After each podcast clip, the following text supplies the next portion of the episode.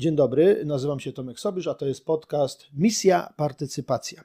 Jestem dzisiaj w siedzibie Ogólnopolskiej Federacji Organizacji Pozarządowych w Warszawie przy ulicy Szpitalnej 5, a moim gościem jest Piotr Frączak, członek honorowy OFOP i człowiek niebywale zasłużony dla rozwoju, dla początków ruchu społecznego w Polsce po transformacji ustrojowej w 1989 roku. Piotrze, zacznijmy może od miejsca, w którym się znajdujemy. Warszawa, Szpitalna 5. To jest miejsce ważne dla historii ruchu społecznego w Polsce. E, tak, warto w ogóle e, zbadać będzie historię szpitalnej i okolic, bo e, sama nazwa szpitalna nawiązuje do szpitala, pierwszego generalnego szpitala w, w Polsce, które powstało tutaj w Warszawie. Wtedy jeszcze szpitale były ściśle w dzisiejszej nomenklaturze pozarządowe, więc to jest ewidentnie historia, e, historia ruchu pozarządowego e, w Polsce. Oczywiście ta historia e, szpitalnej nie zamyka się tylko i wyłącznie w nazwie, ale też działo się tu wiele różnych ciekawych rzeczy, chociażby w 2014 roku Komitet Obywatelski miał tutaj swój oddział dotyczący E, mieszkań, to znaczy mieszkania były tutaj e, udzielane uchodźcom z innych e, terenów Polski, które były wtedy zajmowane przez Niemców i Austriaków, którzy uciekali. Więc w latach 80. był tutaj region Mazowszy Solidarności, początki właśnie Solidarności Mazowieckiej, Warszawskiej, bardzo ciekawa historia, o której dzisiaj żeśmy między innymi rozmawiali E, no i od pewnego czasu, od e, już właściwie 10 lat, e, jest to centrum działania różnych organizacji, między innymi siedziba OFOP. A dzisiaj spotykamy się właśnie tutaj, przy Szpitalnej 5, w przeddzień kolejnej rocznicy porozumień sierpniowych i dzisiaj miała tu miejsce inauguracja Biblioteki Historii Społecznej, której jesteś inicjatorem i nazwijmy to kierownikiem. No, zostałem mianowany przed, przez chwilę. Jestem rzeczywiście inicjatorem, bo od wielu lat zabiegam o to, żeby historia społeczna e, była jednym z ważnych elementów e, myślenia o sektorze pozarządowym, że to chodzi o to, żebyśmy e, uczyli się tak jak chociażby lekarze, każdy lekarz, jeżeli chce zostać lekarzem, musi na pierwszym roku studiów przejść historię medycyny. E, ktoś chce zostać e, pedagogiem, nauczycielem, musi na pierwszym roku przejść historię nauczania. E, wydaje się, że jak ktoś chce być działaczem społecznym, powinien przynajmniej zainteresować się historią działalności społecznej. Więc ta biblioteka ma być takim miejscem, w którym będziemy zbierać materiały, ale wokół tego będzie się działo wiele różnych inicjatyw, które będą przypominać tą historię i uczyć się na tej historii działań w dzisiejszej rzeczywistości. Mamy tu już zabrany księgozbiór w, w kilku białych, oszklonych szafach. Co tu możemy znaleźć i z czego składa się ten księgozbiór, który teraz tutaj już jest? To, co dla nas najważniejsze, to jest historia poszczególnych organizacji.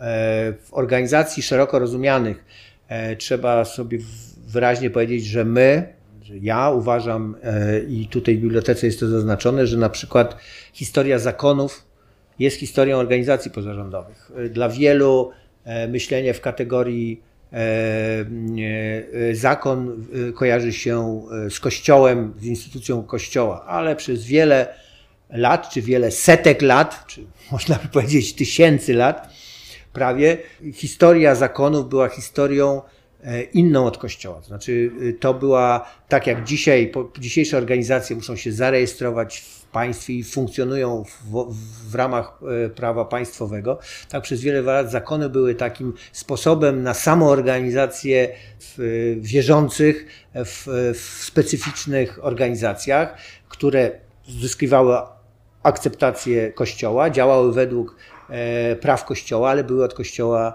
w dużym stopniu niezależne. Zresztą to jest, ta niezależność jest i do dzisiaj.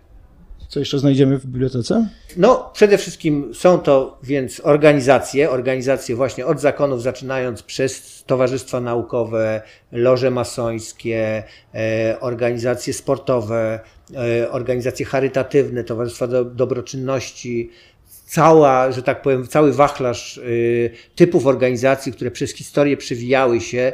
Część z nich działa do dzisiaj. No, zakony działają do dzisiaj, cechy działają do dzisiaj, więc to, to, to, to tysiącletnia funkcjonowanie tych organizacji mówi o ich trwałości i, i, i potrzebie ich funkcjonowania w społeczeństwie.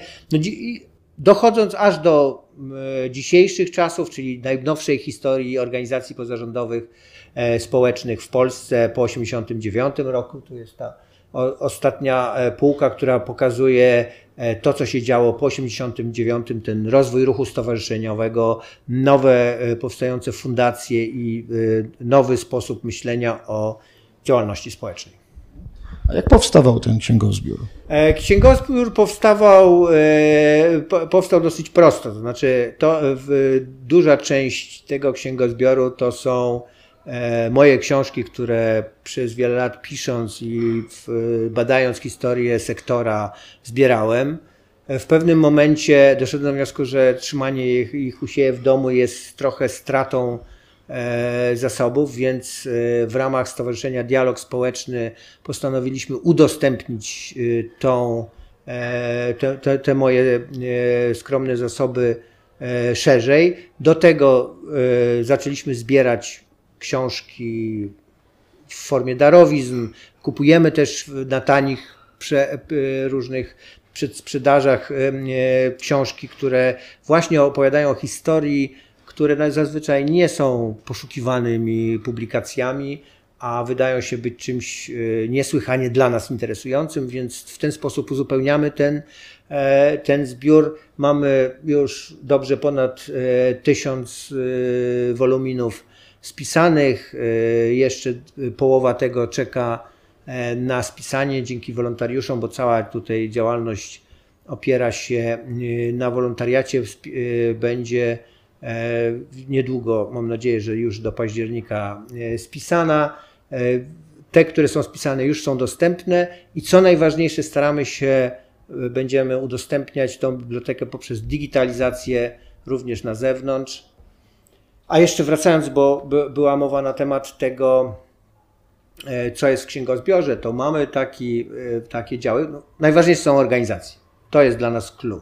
Ale oczywiście nie ma organizacji bez ludzi, więc mamy całą, e, cały zestaw półek, które dotyczą osób, które są działaczami społecznymi. Bardzo często ich historia jest historią opowiadaną bez albo przy minimalnym udziale organizacji pozarządowych. A tak naprawdę wielu z nich większość swojego czasu właśnie poświęcało w działalność w towarzystwach, w związkach.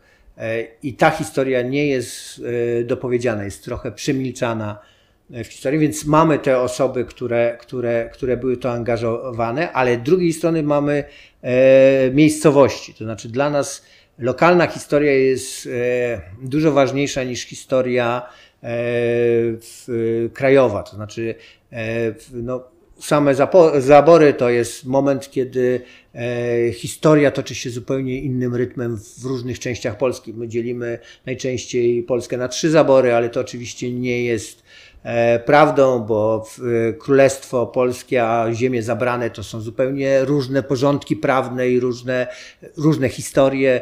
E, Galicja Wschodnia i Zachodnia różne historie. Śląsk, Wielkopolska i Pomorze to są zupełnie różne historie, szczególnie jeżeli chodzi o samoorganizację, więc mamy, szukamy tego, co się działo w danej miejscowości, czyli organizacja, ale organizacja poprzez osoby i poprzez miejscowości, w których się ona dzieje, bo tak naprawdę my zazwyczaj mówimy właśnie Sokół, Towarzystwo Gimnastyczne Sokół i patrzymy na to jako wielką organizację ogólnopolską. A ta wielka organizacja ogólnopolska o tyle była wielka i ogólnopolska, ile działała lokalnie i to lokalne oddziały Sokoła tworzyły tę historię. Czy ta biblioteka jest y, takim, Biblioteka Historii Społecznej tutaj e, przy Szpitalnej 5 w Warszawie jest pierwszą taką inicjatywą, czy gdzieś w Polsce już powstaje taki księgozbiór, powstał, czy, czy można się na czymś wzorować, czy to jest taka, ta, taka pierwsza inicjatywa, y, która no, tutaj udostępnia, zbiera, udostępnia książki no właśnie o tej historii, historii społecznej. E, o ile ja wiem, jest e, pierwsza, oczywiście każda biblioteka ma swoją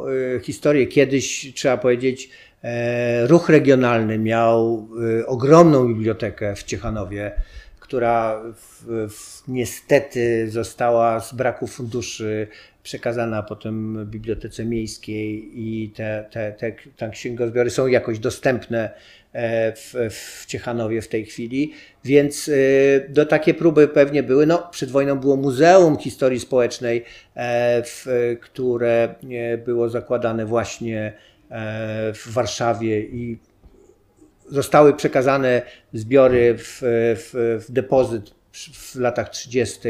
do Biblioteki Warszawskiej.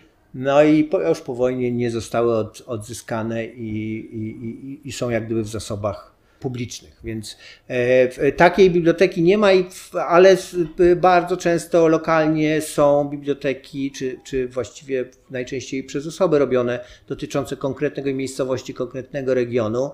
To są e, super ważne e, zbiory i umożliwienie wymiany informacji, to znaczy zobaczenia tego, co się działo tego samego roku w, w mieście na Śląsku, na Śląsku Cieszyńskim, czy w Królestwie w, w, w, w, Zagłębiu Dąbrowskim, to jest super moment, który można porównać, jak organizacje działają w różnych systemach prawnych, przy różnych filozofiach działania państwa. To jest coś, co na pewno jest wielkim poszukiwaniem, bo tak naprawdę, jak ja się zajmuję historią, to spotykam się coraz to z nowymi E, nieodkrytymi e, e, obszarami. Znaczy, one są odkryte w sensie takim, że ja najczęściej nie, nie jestem historykiem, nie, nie, nie grzebię się w źródłach, ale opracowane materiały przed 100 lat,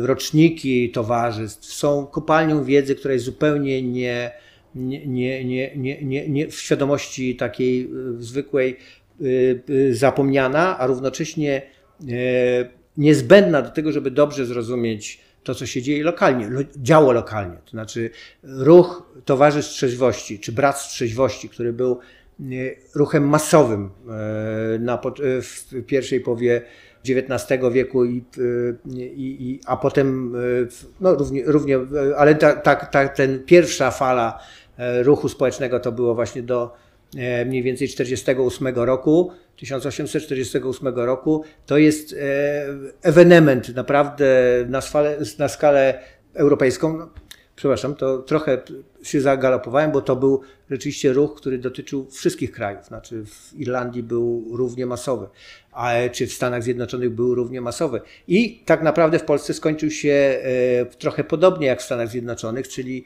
małą ustawą prohibicyjną, Lex Moczydłowska, bo jednego głosu zabrakło żeby, zabrakło, żeby naprawdę ustawa prohibicyjna przeszła w pierwszym Sejmie Polskim. E, więc to, to, to, to są super ciekawe opowieści, które ja e, odnajduję i które organizacje pozarządowe jak gdyby nie, nie, nie mają świadomości, a wydaje się, że powinny mieć. Kto i jak będzie mógł korzystać z tego księgozbioru? Po pierwsze, każdy, kto przyjdzie w godzinach e, otwarcia, to będzie raz w tygodniu, e, będziemy udostępniać zbiory, może przyjść i poczytać e, tu na miejscu książkę. Mam nadzieję, że właśnie osoby, które piszą pracę, mogą w ten sposób korzystać, ale tak naprawdę to raczej chcemy, żeby ta biblioteka stała się takim miejscem spotkań, żeby tutaj powstawały grupy takie samokształceniowe, e, grupy dyskusyjne, które wokół poszczególnych tematów, wokół poszczególnych e, idei będą dyskutować, korzystać z tej biblioteki, uzupełniać tą bibliotekę, bo to jest tak, że człowiek się zajmuje jakimś tematem, E, napisze to, co już mam napisać, czy, czy przeczytał. I właściwie dobrze byłoby, żeby tą, te, te, te książki, które się składają na tą wiedzę, którą zdobył, udostępnił innym, bo już jemu są właściwie niepotrzebne. Ma, będzie mógł z nich korzystać oczywiście. Jeżeli tak, no to będzie sytuacja taka, że to, co uda nam się wypracować w poszczególnych grupach, będzie zasilało bibliotekę, nie tylko tą realną, ale przede wszystkim wirtualną. Chcemy właśnie digitalizować i będziemy digitalizować. Zaczynamy od digitalizowania czasopism, które po 1989 roku e, e, tworzyły e, historię sektora pozarządowego. Jest to też ciekawa, ciekawa historia, dla wielu zapomniana, bo wie, wie, wiele. Albo w ogóle nieznana. Nie, to, to nieznana, ale też e, e, wydaje mi się, że nie, tutaj nieznana oznacza pewną stratę dla, dla wiedzy i dla świadomości osób. To znaczy, jeżeli ktoś nie zna historii, na przykład powstawania ustawy o pożytku publicznym, może przypuszczać, że ustawa o pożytku publicznym jest czymś, co, no, co jest, co jest czymś naturalnym. Ty się cofniesz i zobaczysz, że ta historia mogła się potoczyć zupełnie inaczej, że to była wielka dyskusja, że były różne poglądy. Nagle dochodzi do wniosku, że ta ustawa może powinna wyglądać zupełnie inaczej. Może trzeba byłoby y, ją zmieniać, nie y, przecinki w ustawie, tylko samą filozofię. To daje zupełnie inną perspektywę. Jeżeli ktoś zatrzymał się na, na poziomie tego, że jest ustawa i taka zawsze będzie, to nie ma tej perspektywy, nie ma tej możliwości jak gdyby patrzenia dalej i zmieniania świata w takiej dłuższej perspektywie. Ja widzę, że te tysiąc woluminów, które tutaj mamy, to jest dopiero początek, pewnie myślę, ogromnej historii i, i, i, to się pewnie będzie rozwijało. Ale chciałbym teraz zapytać o w ogóle o Ogólnopolską Federację Organizacji Pozarządowych. Czym naprawdę jest ta organizacja i co robi dla, dla sektora organizacji pozarządowych? E, to ja mogę po, po, powiedzieć trochę właśnie jako, jako w cudzysłowie emeryt, czy, czy, czy osoba, która przez pewien czas była mocno związana w, e, z federacją, ale są osoby, które w tej chwili ją prowadzą, więc pewnie miałyby taką świeższe spojrzenie. Ja mogę patrzeć właśnie z punktu widzenia historii, jak patrzę na, na publikacje, które OPWOP wydawał przez, przez te lata. Federacja jest jak gdyby kwintesencją działalności społecznej. Na czym polega działalność społeczna? Kilka osób wiąże się organizacją po to, żeby sprawniej działać w jakimś obszarze. To jest clue. Ale oczywiście jest tak, że te parę osób, które lokalnie coś robią, mają kłopot z, z realizacją czegoś na poziomie e, centralnym. Dlatego te grupki muszą się sfederować w, w wspólną organizację, żeby osiągnąć swój sukces mały, ale równocześnie sukces duży na poziomie krajowym. Federacja próbuje zebrać organizacje z całej Polski po to, żeby one wspólnie mogły walczyć o swoje interesy, rozumiane jako interesy sektora czy obywateli aktywnych, żeby wspólnie mogły to, yy, o to walczyć, żeby ułatwić sobie pracę tam na dole, lokalnie. Tak? Więc federacja jest taką emanacją działalności społecznej na poziomie centralnym. E, I to jest jego, jej główny cel. W zależności od tego, jak członkowie, jakie mają oczekiwania i jak władza próbuje e, ustawić te działania obywatelskie, no to federacja reaguje. Jest, artykułuje te interesy organizacji, które mówią, co by chciały, a równocześnie reaguje na pomysły władzy, która też by coś chciała, ale nie zawsze pomyśli społeczników, a bardzo często bez zastanowienia i bez zapytania ich o zdanie. Jakieś um, takie ostatnie inicjatywy, które Federacja um, prowadzi? No, z tych, które, w których ja biorę udział, bo jest ich wiele, więc y, trudno powiedzieć, ale jedno z takich działań, które wydaje się być oczywiste dla organizacji, to jest wzorcowy statut przy rejestracji stowarzyszenia. Stowarzyszenia od lat borykają się z trudnościami w sądzie rejestrowymi. To jest fakt. E, stworzenie pewnego wzorcowego statutu, który by zapewniał szybką rejestrację, ale nie ograniczał możliwości tworzenia własnego statutu, tylko w sytuacji, kiedy chcemy szybko zarejestrować stowarzyszenie, a potem chcemy pracować nad, e, nad statutem swoim właściwym, no to to umożliwia taką szybką rejestrację. I taki pomysł został złożony, e, OFOP składał petycję w tej sprawie, e, myśmy jako nie, nie, Stowarzyszenie Dialog Społeczny, ale szerzej, Trzeci Org, pracowali nad propozycjami tego statutu. Konsultowaliśmy z całym sektorem, konsultowaliśmy z samorządami. E, jest gotowy, przygotowany i tylko wola polityczna e, może spowodować, że właśnie ułatwimy tą, ten pierwszy krok. Bo, bo, tak naprawdę to, co chyba jest dużym problemem w organizacji, to jest to, że ludzie chcą się organizować, zaczynają od tego, że muszą się zarejestrować, rok trwa cały proces rejestracji, oni zaczynają działać i okazuje się, że to był niewypał. Tak? Znaczy nie, nie ma tej woli, przez ten rok wykruszyli się ludzie i cała energia, rok pracy 15 osób, czy teraz 7 idzie w, w, na marne, bo musieli się zarejestrować, walczyli z sądem, żeby stwierdzić, że to im nie wychodzi. Gdyby to było łatwe, oni zawsze i potem łatwo do, do, do, do wyrejestrowania, próbują, nie wychodzi, wyrejestrują się, koniec. I to jest doświadczenie pozytywne.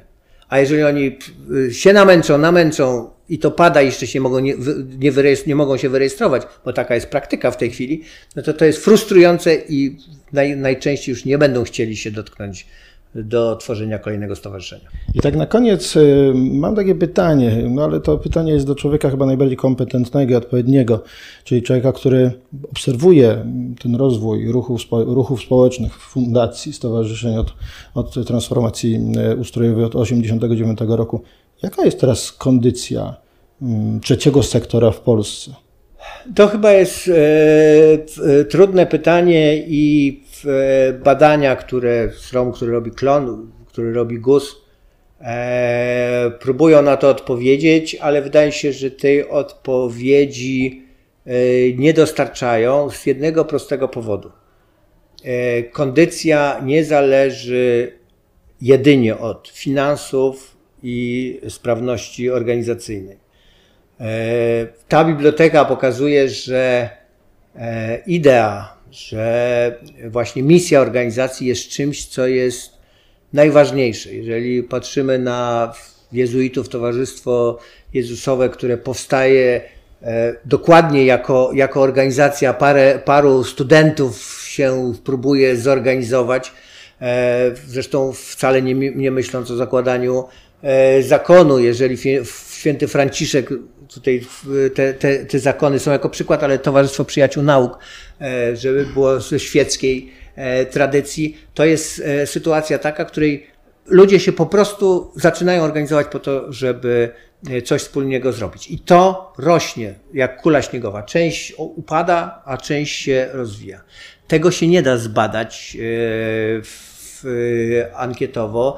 E, czasami wręcz jest sytuacja taka, że organizacje im bogatsze, to znaczy zasobniejsze, e, to oznacza nie niezależność, tylko właśnie uzależnienie. To oznacza e, zrezygnacja właśnie z misji na rzecz tego, co się nazywa grantozą, czyli poszukiwaniem środków za wszelką cenę, żeby utrzymać się na powierzchni, a nie żeby realizować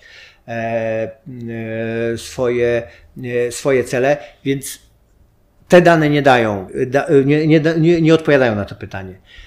Odpowiedzieć na to pytanie może e, takie, ta, w jakimś sensie takie badania jakościowe pewnie by mogły próbować na to odpowiedzieć, ale to, co mi się wydaje, to jest to, że w historii najczęściej rosły te organizacje, które miały podgórkę, które borykały się z przeciwnościami, które musiały przewalczać trudności. Im więcej trudności, tym mocniejsze organizacje, trochę tak jak rośliny, e, że wygrywają najlepsze, ale te już są rzeczywiście e, utrwalone. Więc e, myślę, że organizacje przeżywają teraz trudny czas, zresztą od dłuższego czasu, ale teraz będzie jeszcze trudniejszy, prawdopodobnie lokalnie, z uwagi na finanse samorządów i w ogóle finanse państwa.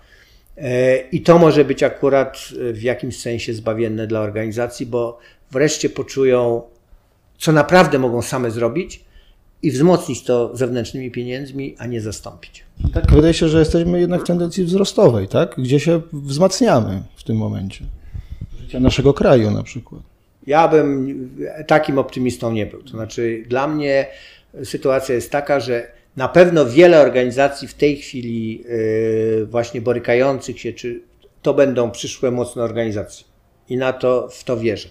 Jak cały sektor prawdopodobnie przejdzie jeszcze tąpnięcie, wiele organizacji albo y, upadnie, albo przynajmniej będzie musiało się bardzo mocno e, zmienić, żeby funkcjonować w nowych warunkach co będzie z punktu widzenia jakichś ilościowych, e, właśnie to będzie raczej kryzys niż, e, niż, niż szansa, ale właśnie jak w bibliotece jest taka książka Osiatyńskiego, o sam, między innymi o samoorganizacji w Stanach Zjednoczonych i tytuł chyba rozdziału, nie książki, jest kryzys, czyli szansa.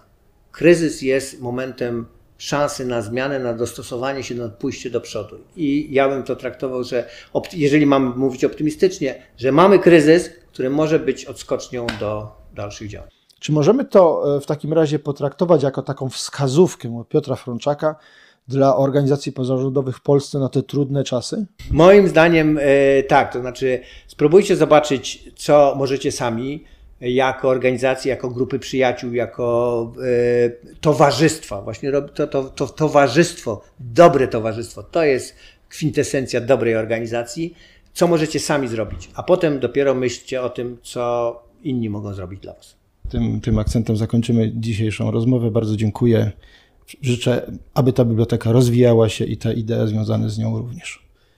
Dziękuję bardzo i zapraszam do współpracy. Będziemy starać się być w regionach, jak będzie możliwość, to, to chętnie e, będziemy współuczestniczyć w jakichś działaniach.